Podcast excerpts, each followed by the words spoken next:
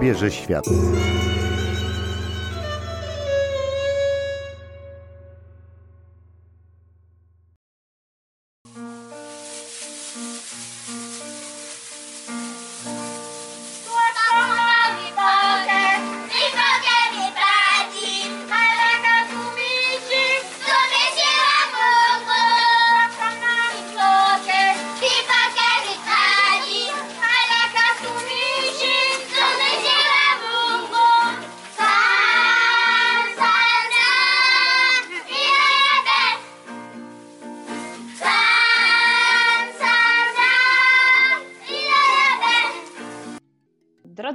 Słuchacze, witamy Was w kolejnym e, odcinku audycji Obieży Świat. Dzisiaj przeniesiemy się do dalekiej Kenii, a naszym gościem będzie Ewa Korbut, która już od prawie roku w tejże Kenii mieszka. Ewo, czy mogłabyś nam powiedzieć, co w Kenii się dzieje i dlaczego Ty tam jesteś?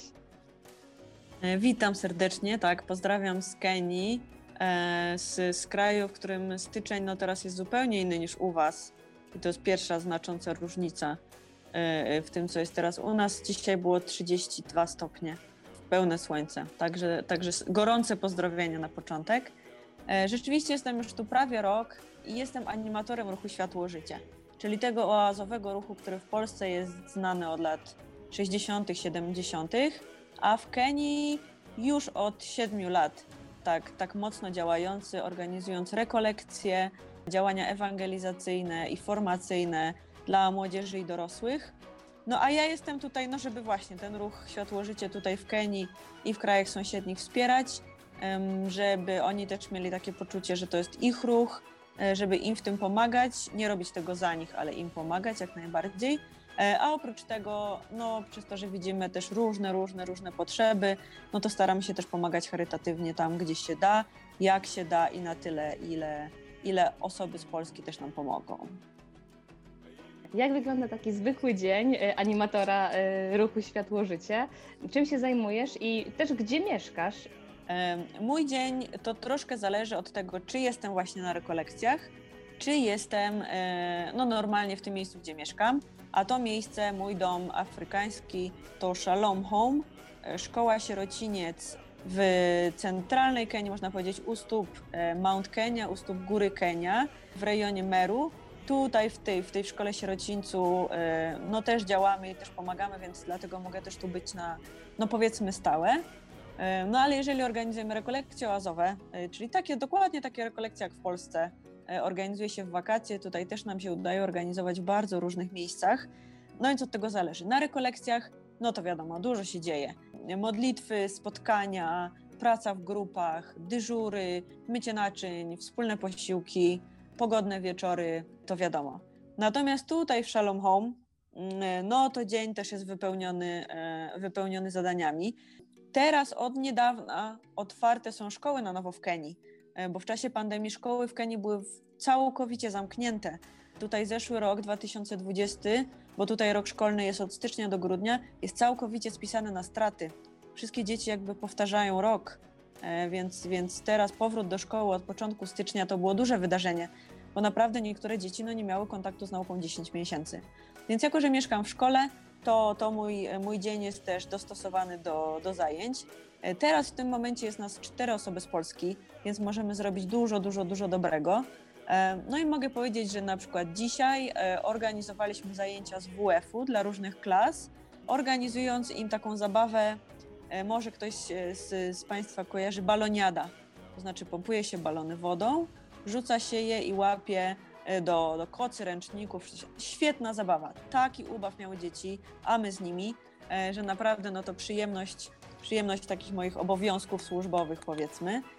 Co rano tutaj w szkole mamy mszę świętą, różne klasy, ale e, no mi się udaje dołączać codziennie.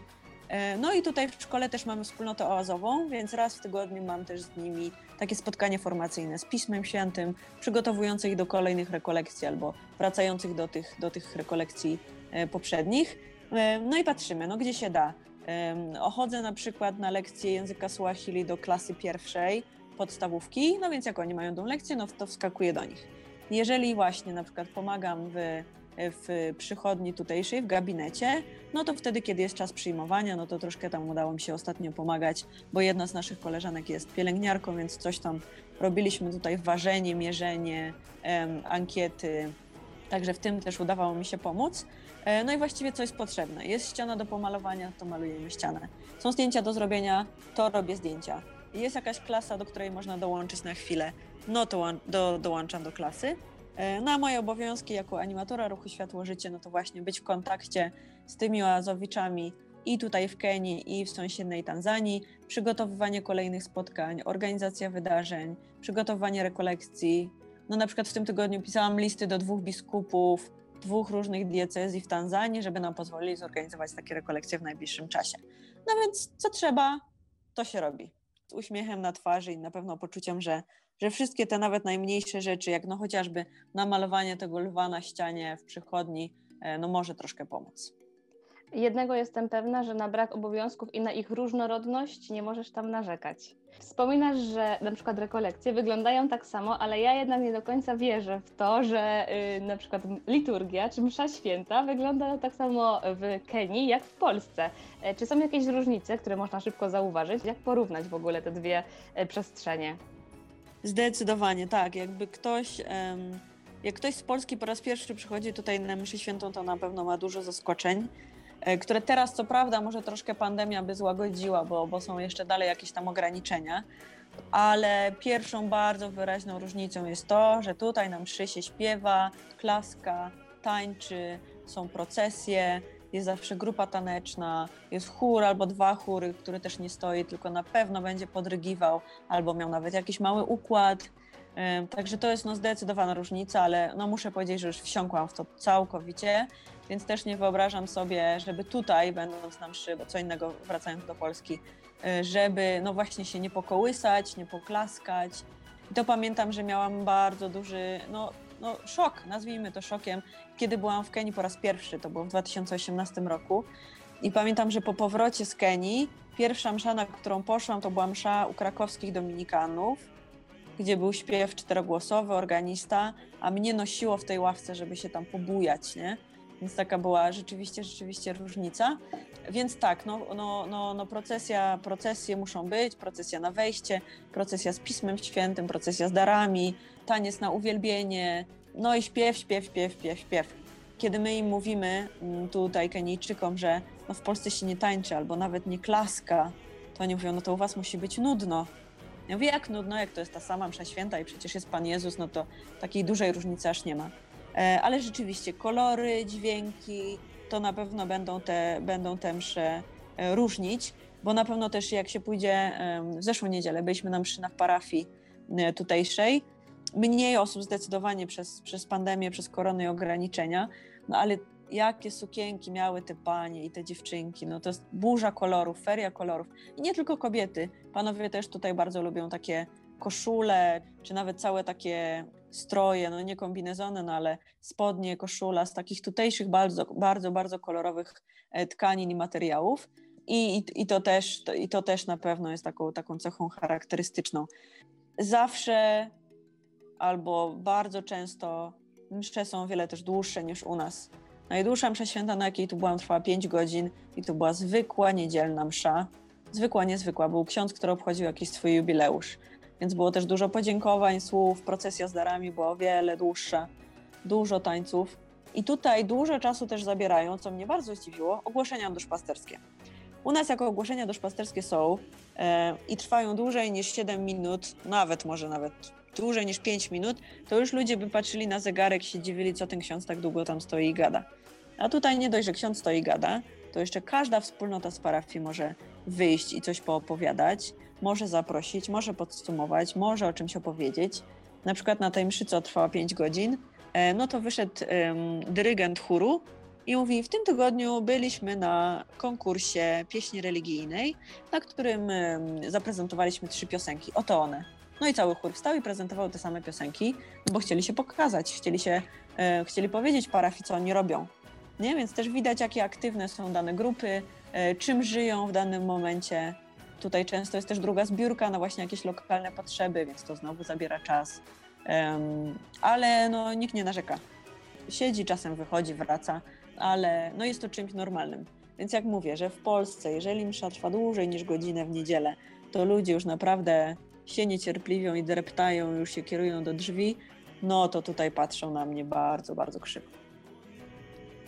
Kwestiach religii chciałam się też zapytać, jak wygląda sytuacja, ponieważ w Kenii religią dominującą jest chrześcijaństwo, ale zakładam, że takie jakieś jeszcze wierzenia plemienne e, istnieją i czy one są widoczne, czy wy się z nimi spotykacie, czy widoczne są jakieś próby łączenia chrześcijaństwa czy katolicyzmu z tymi wierzeniami tamtejszymi? Tak, na pewno, na pewno widać jeszcze te, te jakieś e, wierzenia tradycyjne. Ja nie miałam jakoś tak bezpośredniego e, e, kontaktu z tutejszymi, to się nazywa witchcraft, e, czyli jakimiś takimi zabobonami, ale, ale nieraz słyszałam, że no właśnie, ci mają jakieś problemy, bo na pewno ktoś rzucił na nich urok ten zachorował, bo ktoś na pewno u tego znachora czy szamana, jak go tam nazwać, musiał coś, coś zrobić. No i rzeczywiście, i to są ponoć osoby, które bardzo dobrze e, żyją, bardzo dobrze zarabiają, bo bardzo dużo osób do nich jeszcze przychodzi. No i niestety widzę, że to są również osoby, które mają do czynienia z kościołem. No kiedyś słyszałam, nie tak dawno temu, chłopak, który e, jest teraz w liceum, myśli o tym, żeby pójść do seminarium. Byliśmy nad jeziorem Wiktoria i on mówi, tylko nie siedźcie po zmroku, bo po zmroku to już będą wychodzić duchy jeziora. Ja mówię, co? Duchy jeziora. Ja mówię, jak ty wierzysz w takie duchy jeziora? No nie, no niby nie wierzę, ale wiesz, wróćcie po zmroku, nie? Ja mówię, aha, no to dobrze. E, więc jakieś tam małe rzeczy na pewno jeszcze, jeszcze widać. Myślę, że to bardziej byłoby też w wioskach i bardziej e, w takich plemionach, które są jeszcze może bliżej tych swoich tradycji no bo tu warto zaznaczyć, że Kenia jest wewnątrz też bardzo zróżnicowana. Tutaj jest ponad 40 plemion, więc i też każde ma swoją kulturę, każde ma trochę inne, e, inne wierzenia, może nawet inny język, inne tradycje, inne tańce, inne stroje, nawet e, niektóre, więc, więc też nie mogę tak generalizować. No ja na szczęście, na szczęście nie miałam jakiegoś dużego z tym do czynienia, ale o tym, że ktoś chodzi do tych magów, magików, szarlatanów, czy jak to nazwać, no to słyszę. Rzeczywiście większością są chrześcijanie. Jest tutaj bardzo dużo kościołów protestanckich e, i tu się śmiejemy, że żeby założyć kościół protestancki, tutaj wystarczy mieć dobre głośniki, e, bo tutaj to, co przykuje też dużo osób, no to będzie właśnie jakiś taki E, preacher, nie? Który tak nawołuje, woła i do tego puści dobrą, głośną muzykę. I on na pewno przykuje uwagę. I to widać. Te, te kościoły, powiedzmy, protestanckie czasem są naprawdę w takich blaszakach, co mają czasem nawet tylko trzy ściany, no bo i dach. Nie? I to już ktoś się, za, za, e, ktoś się ogłasza pastorem czy biskupem tego kościoła i tam nawołuje, nawołuje, nawołuje i tam głosi, wiadomo, z mocą. Katolicy, tak, katolicy są, są dość silną grupą, jest tu podział diecezjalny, są tutaj ruchy wewnętrzne, seminaria, jak najbardziej. E, przy granicy z Somalią też będzie i, i na wybrzeżu będą wspólnoty muzułmańskie. W moim miasteczku jest też jeden mały, jest też jeden mały meczet i czasem słychać e, nawołującego muezina przy dobrej pogodzie. To to z miasteczka do nas, do szkoły też będzie słychać zawsze jak mówimy na rekolekcjach, no to ostrzegamy, nie? I tak zwracamy uwagę na to, pytamy, czy właśnie ci, e, ci witch doktorzy też są w rejonie, jak to, jak to się ma, jak to, e, jak to wygląda. E, no i rzeczywiście no, słyszeliśmy też takie historie, nie? Że, że opowiadali, że, no, że w ich rodzinie ktoś, nie, że była jakaś choroba, w rodzinie ktoś poszedł, jest zdrowy, no i jak tu nie wierzyć? No więc próbujemy też tłumaczyć, nie? że to jest nie do pogodzenia z wiarą, z wiarą naszą chrześcijańską, więc też tak powolutku, powolutku mm, my też troszeczkę, co możemy, to, to próbujemy. Zmieniając temat i odchodząc, chociaż może nie do końca od religii, e, chciałam się dowiedzieć, czy e, podczas swojego pobytu w Kenii miałaś okazję troszkę podróżować, e, troszkę zobaczyć tego państwa, tego kraju, który, jak sama wspomniałaś, jest bardzo zróżnicowany. No i właśnie też na czym te różnice, gdzie się uwidaczniają, na czym polegają no, zdecydowanie tu też pandemia działała na moją niekorzyść, e, więc naprawdę na początku, pierwsze sześć miesięcy, to, to tylko wychodziłam za bramę szkoły, jak musiałam zrobić zakupy w miasteczku. bo ja przyjechałam do Kenii w zeszłym roku, w marcu na początku i naprawdę minęły dwa tygodnie, kiedy ogłoszono tutaj pierwszy przypadek korony i zamknięto szkoły, od razu zrobiono duże ograniczenia w transporcie. Był taki czas, że w ogóle niektóre rejony były zamknięte, nie można było podróżować do stolicy, nie można było podróżować do Mombasy, drugiego największego miasta na wybrzeżu. Więc też te, te, te moje podróże były jakoś tam ograniczone.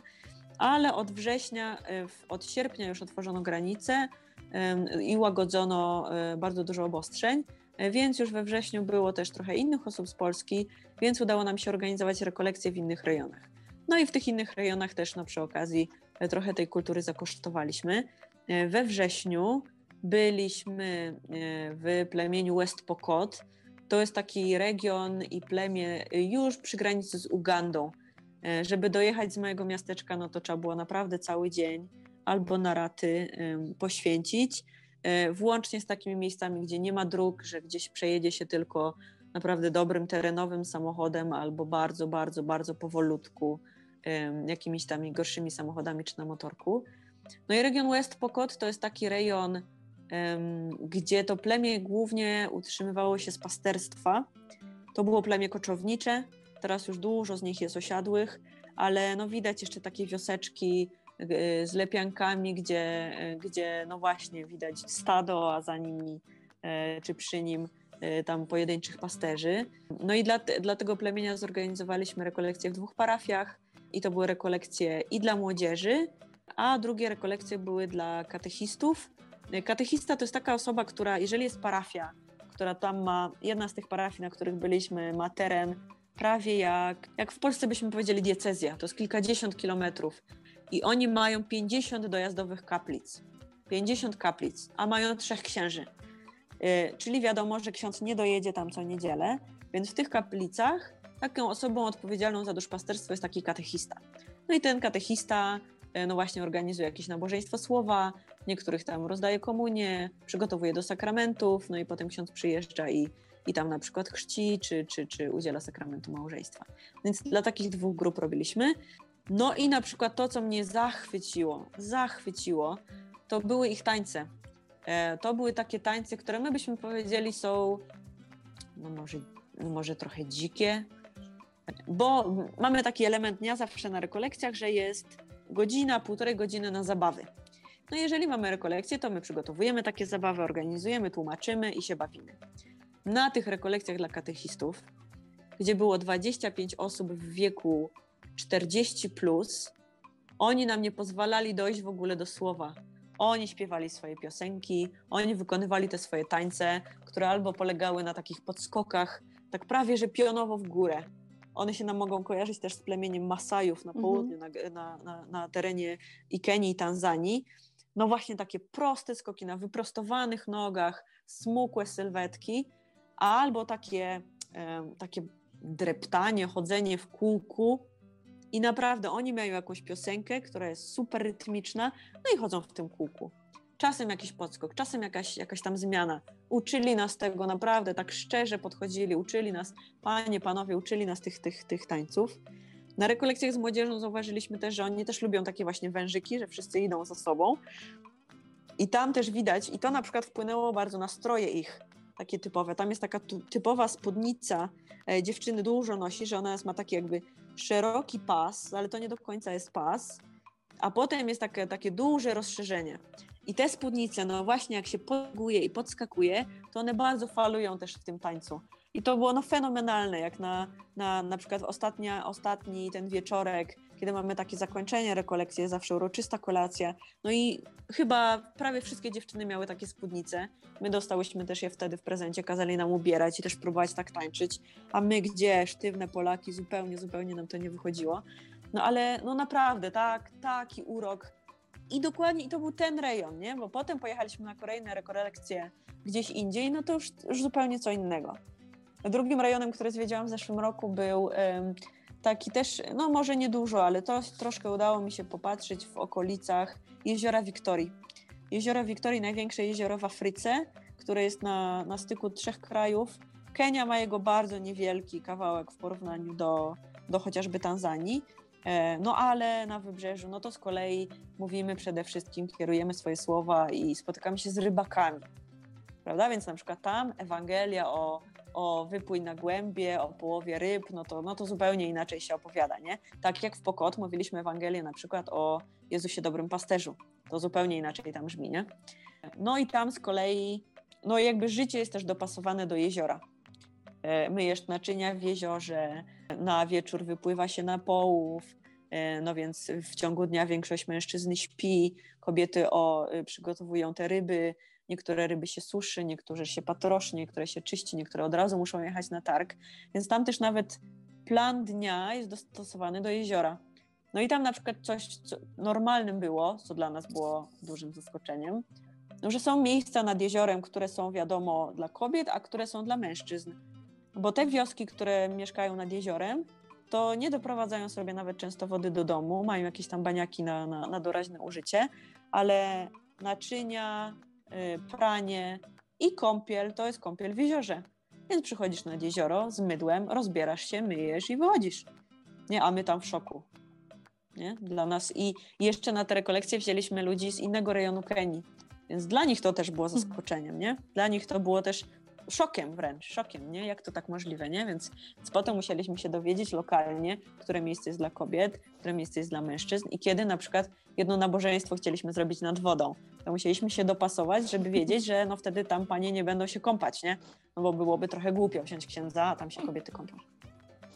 Także no takie małe, małe, wielkie rzeczy, które no naprawdę no, uczą takich też może większej bliskości z naturą, nie? bo oni tam dostosowują swój czas do jeziora. E, w plemieniu Pokot, no to, oh, to na przykład była historia. Jeden katechista mi mówi, że po pierwsze nie wie, kiedy on się urodził, bo jego rodzice byli koczownikami niepiśmiennymi. On się urodził też, jak byli gdzieś tam w drodze, więc nikt nie ma pojęcia, kiedy to było, ani który rok, ani który miesiąc, więc on wie swój wiek mniej więcej. I on też mówi, że on poszedł do szkoły dopiero tam w wieku 8 lat, no bo wcześniej pasł z tatą no stada. Nie? I oni nawet nie mieli pieniędzy, żeby go do szkoły posłać. Więc to są takie, są też takie rzeczy, które są dla nas szokiem. No jak to możliwe, nie? Jak możesz nie znać daty urodzin? Dla Europejczyków, dla Polaków jest to niewyobrażalne. Ta data urodzin jest taką chociaż jedną wiadomą, którą mamy. Tak, mają też y, no, trudności potem, żeby wyrobić dowód osobisty. Tak.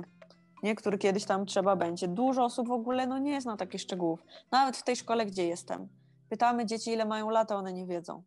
Kto tam ma dokumenty jakieś, to ma, ale kto nie ma, no to nie ma. I no, mamy chłopców, którzy chcielibyśmy im sprawdzić wagę i wzrost, czy są dobre do ich wieku, no ale nie wiemy, ile mają lat. Więc też nie wiemy, czy on jest niski na swój wiek, czy wysoki na swój wiek, czy on rzeczywiście już powinien być w pierwszej klasie, bo przychodzą dzieci, które nigdy nie chodziły do szkoły, nie wiedzą, ile mają lat no więc czy dać ich do klasy przedszkolnej, żeby coś w ogóle coś zacząć, czy już do pierwszej klasy, czy i tak już odstaje na przykład wzrostem i, w ogóle jest za duży. No więc takie, no takie sytuacje, nie do pomyślenia w Europie, nie? Zdecydowanie. I właśnie też o to chciałam zapytać, bo mówisz, e, często używasz słowa szok.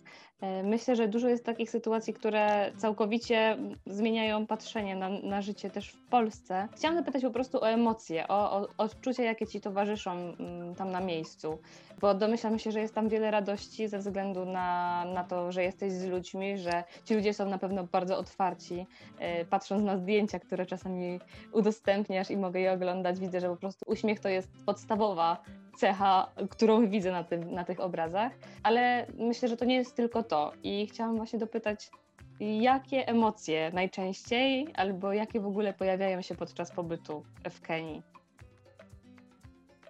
Masz rację w obu tych kwestiach, bo po pierwsze, no, no ja tutaj mam no tyle powodów do radości, tyle, tyle powodów do radości. No w mojej szkole jest tyle słodkich maluchów, które mają naprawdę czasem takie ciężkie historie, no ale jak uda mi się przełamać z nimi ten pierwszy kontakt czy pierwszy strach, niektórzy po raz pierwszy widzą na przykład białego tutaj na wioskach. Więc tak, ogromna radość na pewno z, no, z tych relacji, które się uduje, udaje budować i z dziećmi, tutaj w mojej szkole czy w innych ośrodkach, które, z którymi jakoś współpracujemy. Ogromna radość no właśnie z relacji z tymi oazowiczami tutaj w różnych rejonach, które widać jak oni przeżywają swoje spotkanie z Panem Jezusem, którym możemy im towarzyszyć, którym możemy im chociaż troszkę pomagać. Więc naprawdę mnóstwo, mnóstwo, mnóstwo powodów do radości. I takie, no, no, no takich drobnych rzeczy.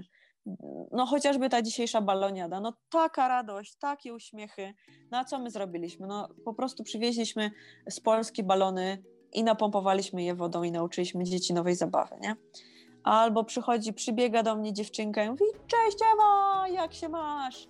Tutaj bardzo brytyjsko jest how are you, how are you, fine, fine, e, co chwilę, nie? Ile ja gra, nagrałam się tutaj w łapki, ile ja tutaj piąteczek i żółwików przybijam z dziećmi, ale nie tylko moimi, ale też dziećmi na ulicy, które no właśnie widzą białego po raz pierwszy.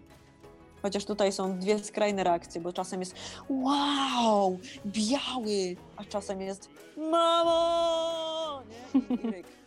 Zdarza się, zdarza się, nierzadko, no może nie bardzo często, ale się zdarza.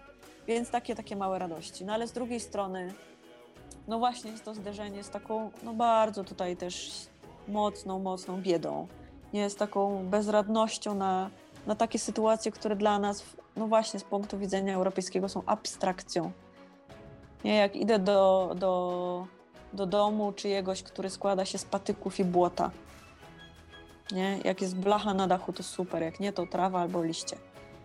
I widzisz taką ogromną biedę, nie? No, no i co zrobisz? No, na tyle, ile możemy gdzieś tu coś tam pomagać, to, to możemy, ale jakby też nie ja nie jestem z instytucji charytatywnej, nie? Nie mam, nie wiem, wielkiego sejfu, z którego mogę nie wiem ile wyciągać. Robimy jakieś tam drobne rzeczy, na pewno, nie? No albo te historie dzieci, które, o których się słyszy, o których słyszę tutaj w szkole, bo to są dzieci i sieroty, i dzieci porzucone. E, są to dzieci, które no mają no, straszne historie. Straszne, straszne, straszne historie. Nie, ale z drugiej strony wiem, że jeżeli, no właśnie, ja spędzę i zbuduję zaufanie w tej dziewczynce, która, która w, której matka jest prostytutką i przyjmowała klientów no, przy nich, przy dzieciach w domu, no a teraz już ta dziewczynka no, i się uśmiecha, i bawi się z innymi dziećmi, i do nas przybiega, jest takim ogromnym, z ogromnym uśmiechem, chociaż angielski ma jeszcze bardzo, bardzo, bardzo słaby. E, no ale, ale wiem, że ona wie, że my jesteśmy tu dla niej i, i że, że może się z nami pobawić, posiedzieć, poskakać, potańczyć, zrobić sobie zdjęcia, bo rzeczywiście uśmiechy tutaj na widok telefonu, jak się tylko włącza aparat, no to naprawdę, naprawdę też mnóstwo uśmiechu. No i, no i też takie rzeczy, które wkurzają, które mnie tutaj naprawdę, naprawdę denerwują. Nie, no bo właśnie, dlaczego tak się tutaj traktuje dzieci? Dlaczego na przykład tak tu się traktuje niepełnosprawnych? Jest taki ośrodek, który też odwiedzamy i wspieramy, gdzie są dzieci z niepełnosprawnością, dzieci z e, pozytywne na wirusa HIV, albo po prostu dzieci porzucone. No i na przykład słyszymy, że dzieci, które są tutaj niepełnosprawne od urodzenia, są czasem po prostu wyrzucane bo to jest klątwa dla rodziny, bo będzie trzeba tylko wkładać pieniądze, a no, nie ma też rąk do pracy, nie? bo dzieci też są często tutaj już rękami do pracy bardzo wcześnie. E, no i to po prostu mnie wkurza. Nie? Jak to jest możliwe, że w XXI wieku, kiedy tyle się mówi o prawach człowieka, kiedy tyle się krzyczy o tym, o, o godności osoby ludzkiej, a tutaj to jeszcze dalej tak wygląda, nie? No wkurzają mnie też małe rzeczy, jak na przykład, no to też jest bardzo ku, kulturowe, spóźnianie się, niepilnowanie czasu, a ja jestem jednak z tych, co, co są za pięć, a na pewno nie pięć po. Nie, więc tutaj to moja cierpliwość jest naprawdę, naprawdę wystawiana na duże, duże, duże, um, duże próby. Albo takie, no, jakieś niedogadanie, czy ja widzę, że coś można byłoby zrobić po prostu, a tutaj trzeba to jakoś, nie wiem, naokoło, albo w ogóle ktoś nie pomyśli o najprostszym rozwiązaniu. Nie, więc też takie, no, mniejsze i większe, mniejsze i większe wkurzenia. Ale co mi towarzyszy tutaj od, odkąd tu przyjechałam po raz pierwszy w 2018, potem w 2019, no i teraz jak przyjechałam na ten dłuższy czas, no to jest taki ogromny pokój, że, że jestem w dobrym miejscu, nie? I że nie robię tutaj wielkich rzeczy, bo, bo ja to zawsze pod, podkreślam, ja tu nie, ani nie, nie wiem, nie ratuję tych dzieci, ani nie zbawiam świata, ani nie buduję szkół, czy nie odbudowuję kościołów, no ale wiem, że chociaż te małe rzeczy, które tutaj robimy, które tutaj ja robię właśnie z ramienia ruchu Światło Życie, no to sprawią, że jeżeli ktoś się uśmiechnie, no to warto było. Jeżeli pojedziemy do regionu, gdzie no właśnie ktoś będzie mógł uczestniczyć w rekolekcjach, a dla niego to będzie jedyna forma na przykład czegoś ala wakacje, czyli też oderwania się od codziennych obowiązków, szkoły czy prac w polu, no to, no to, już, no to już warto było. już było warto i, i, i ciągle warto, uważam, i ciągle warto. Dlatego robimy co możemy. Ja robię co mogę. No i no, na pewno trzyma mnie wiara tutaj, nie? Że, że, że robię to też e, w takim celu.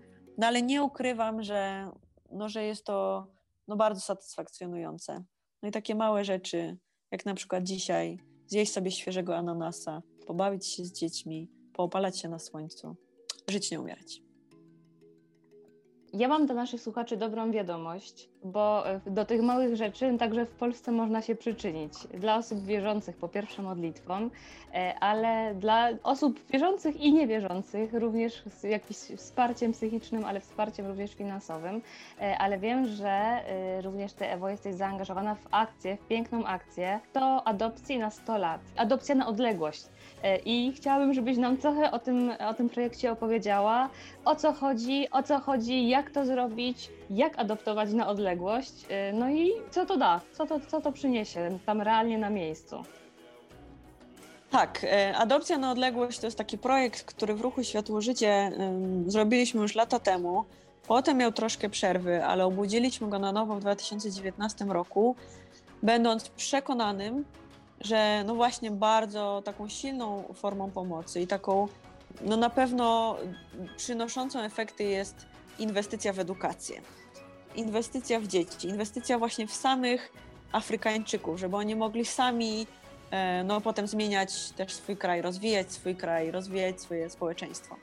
No i adopcja na odległość polega na tym, że osoba chętna z Polski, czy to rodzina, czy to grupa przyjaciół, czy to klasa w szkole, bo, bo naprawdę mamy różne te różne, e, różne grupy, może otoczyć swoją opieką jedno konkretne dziecko.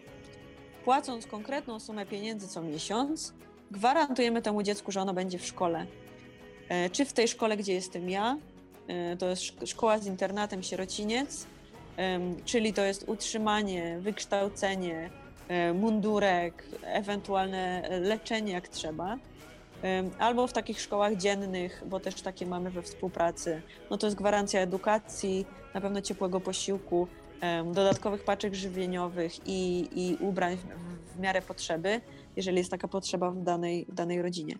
Więc jeżeli ktoś się deklaruje, to pod swoją opiekę dostaje konkretne dziecko, czyli dostaje od nas imię tego dziecka, zdjęcie, krótki opis sytuacji e, tego dziecka czy sytuacji rodzinnej a potem w, regularnie e, dostaję też informacje o tym dziecku. I to jest też moje zadanie. Ja robię zdjęcia, ja spisuję jakieś historyjki, ja opisuję, co się dzieje w tej w szkole, w której on jest, żeby być z tym dzieckiem też w takiej, w tak budować taką relację, być, być w kontakcie. Te rodziny czy, czy ci sponsorzy dostają, na przykład wysyłaliśmy listy świąteczne, można też taki list przesłać do nas mailowo, a ja przekazuję Czasem, jeżeli ktoś przyjeżdża z Polski, no to nawet uda się przysłać papierowy, ale to, ale to nie do końca regularnie. I, tak, i, to, i, temu konkretnemu dziecku towarzyszy się w jego rozwoju. Nie? Czy to jest w szkole podstawowej, mamy też, też trochę licealistów, mamy już osoby, które no właśnie już się szykują na, na uniwersytet, no bo właśnie było otoczone opieką, taką konkretną opieką, nie? Wiesz, że te twoje pieniądze idą stricte do tej szkoły, po to, żeby to dziecko konkretnie zdobywało edukację, no ale też dla dobra całej szkoły. No bo to też nie jest tak, no to powiem, no, no wprost, no to nie jest też tak, że to dziecko jest sponsorowane, no to ono zje obiad, a drugie obok w tej szkole nie. Um, ale mamy, mamy gwarancję, że to dziecko w tej szkole zostanie chociażby nie wiem co i, i, i tą i, i tą szkołę będzie miało, to wykształcenie będzie zdobywać, rozwijać się, budować relacje, nawiązywać przyjaźnie. No i miejmy nadzieję budować swoją lepszą przyszłość i lepszą przyszłość dla swojej przyszłej rodziny i, i dla całego kraju. W tym momencie, e, no właśnie, jedną z inicjatyw, którą robimy, żeby promować ten program adopcyjny, jest akcja 100 na 100, bo założyciel Ruchu Światło Życie, założyciel Oazy, e, w marcu będzie miał e, setną rocznicę urodzin. Ksiądz Franciszek Blachnicki no właśnie setną rocznicę jego urodzin będziemy obchodzić, więc ta akcja 100 na 100 jest taką akcją promocyjną tego większego projektu Adopcja na Odległość. No i w tym programie Adopcja na Odległość mamy tą szkołę, w której ja mieszkam. E, mamy też również taką szkołę podstawową w takim, e, w tym samym hrabstwie, co jesteśmy teraz, natomiast zupełnie z drugiej jego strony, e, w rejonie Tigania. To jest taki, no, ubogi rejon. Przez to też, o ironio, przez to, że dużo terenów tam zielonych jest pod uprawę takiego lokalnego narkotyku. E, więc po pierwsze uzależnienia tam wchodzą w grę, a po drugie też ceny ziemi są droższe, y, ceny żywienia są droższe, przez to, że właśnie ten, tamte uprawy zajmują tyle miejsca, więc tam też mamy taką szkołę podstawową. Mm, mamy też kilkoro dzieci z, takiego, z tego rejonu Tigania, ale z innych szkół, e, z, z, z różnych szkół, ale no właśnie zbierające się w tej społeczności. E, mamy kilkoro uczniów właśnie z Nadzijeziora Wiktorii, no i w miarę przybywania sponsorów będziemy tą opieką otaczać kolejne, kolejne, kolejne dzieciaki tej akcji 100 na 100, którą prowadzimy od listopada, mamy już 70 adopcji, więc już jesteśmy bliżej niż dalej, mm, ale, ale jeszcze dużo przed nami. No i to 100 to jest też kropla w morzu. Naprawdę, jak, jak się zgłosi po tej audycji tysiąc osób, też znajdziemy dzieci do sponsorowania, więc, więc 100 kolejnych losów będzie odmienionych. Jak się można włączyć? Wystarczy skontaktować się z nami pod adres adopcja małpa.oaza.pl i tam mm, po, po takim kontakcie wyślemy formularz zgłoszeniowy. Po wypełnieniu tej deklaracji dostaje się przydzielone konkretne dziecko, no a potem jest się już tylko z nim, tylko z nim na bieżąco. Koszt miesięczny to jest 120 zł. E, więc dla nas, no myślę, w Europie to nie jest kwota do, nie do przejścia. No ale jak mówię, są to czasem pojedynczy sponsorzy, e, są grupy, grupy przyjaciół, są klasy. Na przykład jeden chłopiec w mojej szkole tutaj jest sponsorowany przez jedną szkołę podstawową, z którymi mieliśmy lekcje online. Oni sobie posłuchali po Afryce, zrobili kiermasz świąteczny i podczas tego jednego kiermaszu świątecznego, wtedy w 2019 roku, uzbierali kwotę na dwa lata. Więc wiemy, że Francis będzie dzięki nim e, no, zaopiekowany i ma tutaj w szkole. No dzisiaj Francis swoją drogą tak wymiatał w tą grę z balonami, że, mhm.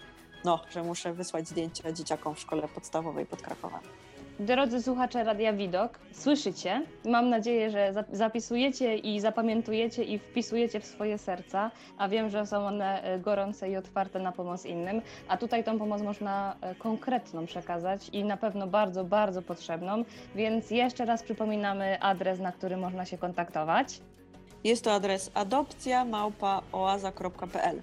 Można mnie też znaleźć na Facebooku, mnie prywatnie ja się nazywam Ewa Korbut na Facebooku, wyskoczę na zdjęciu z, z małymi moimi tutaj afrykańskimi przyjaciółmi, także też zachęcam. Można się odezwać, można zadać nawet pytania, jakby, jakby ktoś z Państwa chciał, no i, i na pewno też popatrzeć na radosne twarzyczki moich dzieciaków.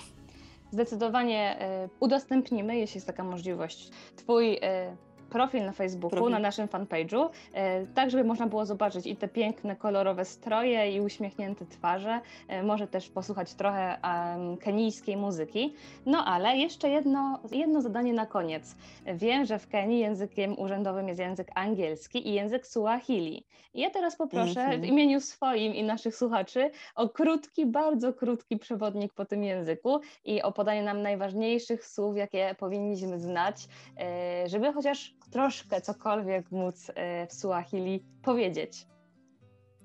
To ja powiem Wam, że jestem przekonana, że większość z Państwa trochę języka Kiswahili zna. E, język e, Suahili, który jest używany tutaj w Kenii, w Tanzanii, w Ugandzie i troszkę w tych rejonach sąsiednich, był językiem, który pojawił się w filmie Królew. Więc każdy z Was na pewno jest w stanie powiedzieć Hakuna Matata. Hakuna Matata to znaczy żadnych zmartwień, żadnych problemów. I to naprawdę jest tutaj używane. Może bardziej do turystów, ale rzeczywiście Hakuna Matata, jak się tutaj powie, jest rzeczywiście też definicją stylu życia. W tym filmie padały, były też takie postaci, których imiona są w języku Swahili. I główny bohater, e, może pamiętają Państwo, e, e, mały lew, który się rodzi, a potem, no wiadomo, zmienia świat, jest Simba. Simba w języku Swahili to po prostu lew. Także no, małe lwiątko miało na imię, miało na imię lew. Ojciec tego głównego bohatera, kto z Was może pamiętać, miał na imię Mufasa. Mufasa to znaczy król. Więc tak naprawdę mm. film Król Lew to Mufasa Simba. Tak moglibyśmy nawet przetłumaczyć, przetłumaczyć ten, e, przetłumaczyć ten tytuł. Rafiki, kolejna postać z tego filmu. Słowo, które ja tutaj słyszę bardzo często. Rafiki to przyjaciel. Więc jeżeli ktoś, e, jak przyjedziecie do Kenii, albo Kenijczyk spotka was na ulicy i powie do was Rafiki, to nie macie się obrażać, że jesteście małpą z filmu. jesteście nazwani przyjacielem. A tutaj, jak, tak jak Aniu zwróciłaś uwagę, ludzie są tak otwarci i tak, y, tak przyjaźnie nastawieni, że naprawdę przyjacielem jestem od progu drzwi wręcz nazywana, czy ja już w ogóle mam afrykańskie mamy i ojców, bo, bo już wszystkich jestem tutaj częścią rodziny, co jest, co jest szalenie miłe, co jest no, naprawdę tak miłe, zwłaszcza jak się jest no, daleko od swojej rodziny, nie? Bo no jednak no, święta Bożego Narodzenia, pierwsze moje poza domem, no nie były najłatwiejsze, ale no właśnie, potem jedne, drugie, trzecie odwiedziny i już byłam u kolejnej swojej rodziny, nie? Cioci, wujków to mam e, sporo. Jeżeli chcemy kogoś, e, je, kogoś przywitać, po prostu przechodząc na ulicy, mówimy mambo. Mambo. A odpowiedź mambo. poła. Mambo. Okay. Bardzo proste. E, do dzieci bardziej można też powiedzieć jumbo. E, wtedy odpowiedzą si jumbo jak chcemy się powitać, bo, bo przez to, że osoby wiedzą, że ja jestem tu też w celach religijnych, no to na przykład można się powitać Tum Sifu Jezu Chrystu, czyli niech będzie pochwalony Jezus Chrystus. Nie? Tum Sifu Jezu Chrystu. I odpowiedź mhm. też jest różna niestety w zależności mhm. od rejonów, ale tu, gdzie jestem, odpowiadamy Tum Sifu Milele, czyli niech będzie pochwalony na wieki. Tum Sifu Jezu mhm. Chrystu. Ale Hakuna Matata naprawdę to już na wejściu tutaj otwiera, tutaj uśmiechy sprawia ludziom na, na, na twarzy i naprawdę dzieci się bardzo cieszą, bo po tym jak mają pierwszy szok, że widzą białego, ale jak się do nich potem powie mambo, no to już jesteśmy w domu. Już wiedzą, że nie ma co się bać, przybijamy piąteczkę i już jesteśmy naprawdę na dobrej drodze. Także pierwsza lekcja Kiswahili y, za wami, Także no, Kenia stoi otworem. Hakuna Matata, na pewno myślę, że to wszyscy zapamiętają i z tym nikt nie będzie miał problemów. E, Ewo, bardzo, bardzo serdecznie Ci dziękuję za Twój czas, e, który wyciągnęłaś w ciągu dnia na to, żeby się z nami spotkać. Tego mhm. dnia zapełnionego pracą i też radością i obowiązkami. E, jeszcze raz serdecznie Państwa z wszystkich naszych słuchaczy zachęcam do tego, żeby profil Ewy odnaleźć i obejrzeć, zobaczyć właśnie te zdjęcia, nagrania i też skontaktować się w sprawie adopcji na odległość. Bardzo serdecznie zachęcamy. No i jeszcze jeszcze raz dziękuję Państwu za uwagę i dziękuję Tobie, Ewo. Y, no i mam nadzieję do szybkiego usłyszenia bądź zobaczenia. Jasna, Ania, zapraszam. Jakby co, zapraszam. Karibu Kenia.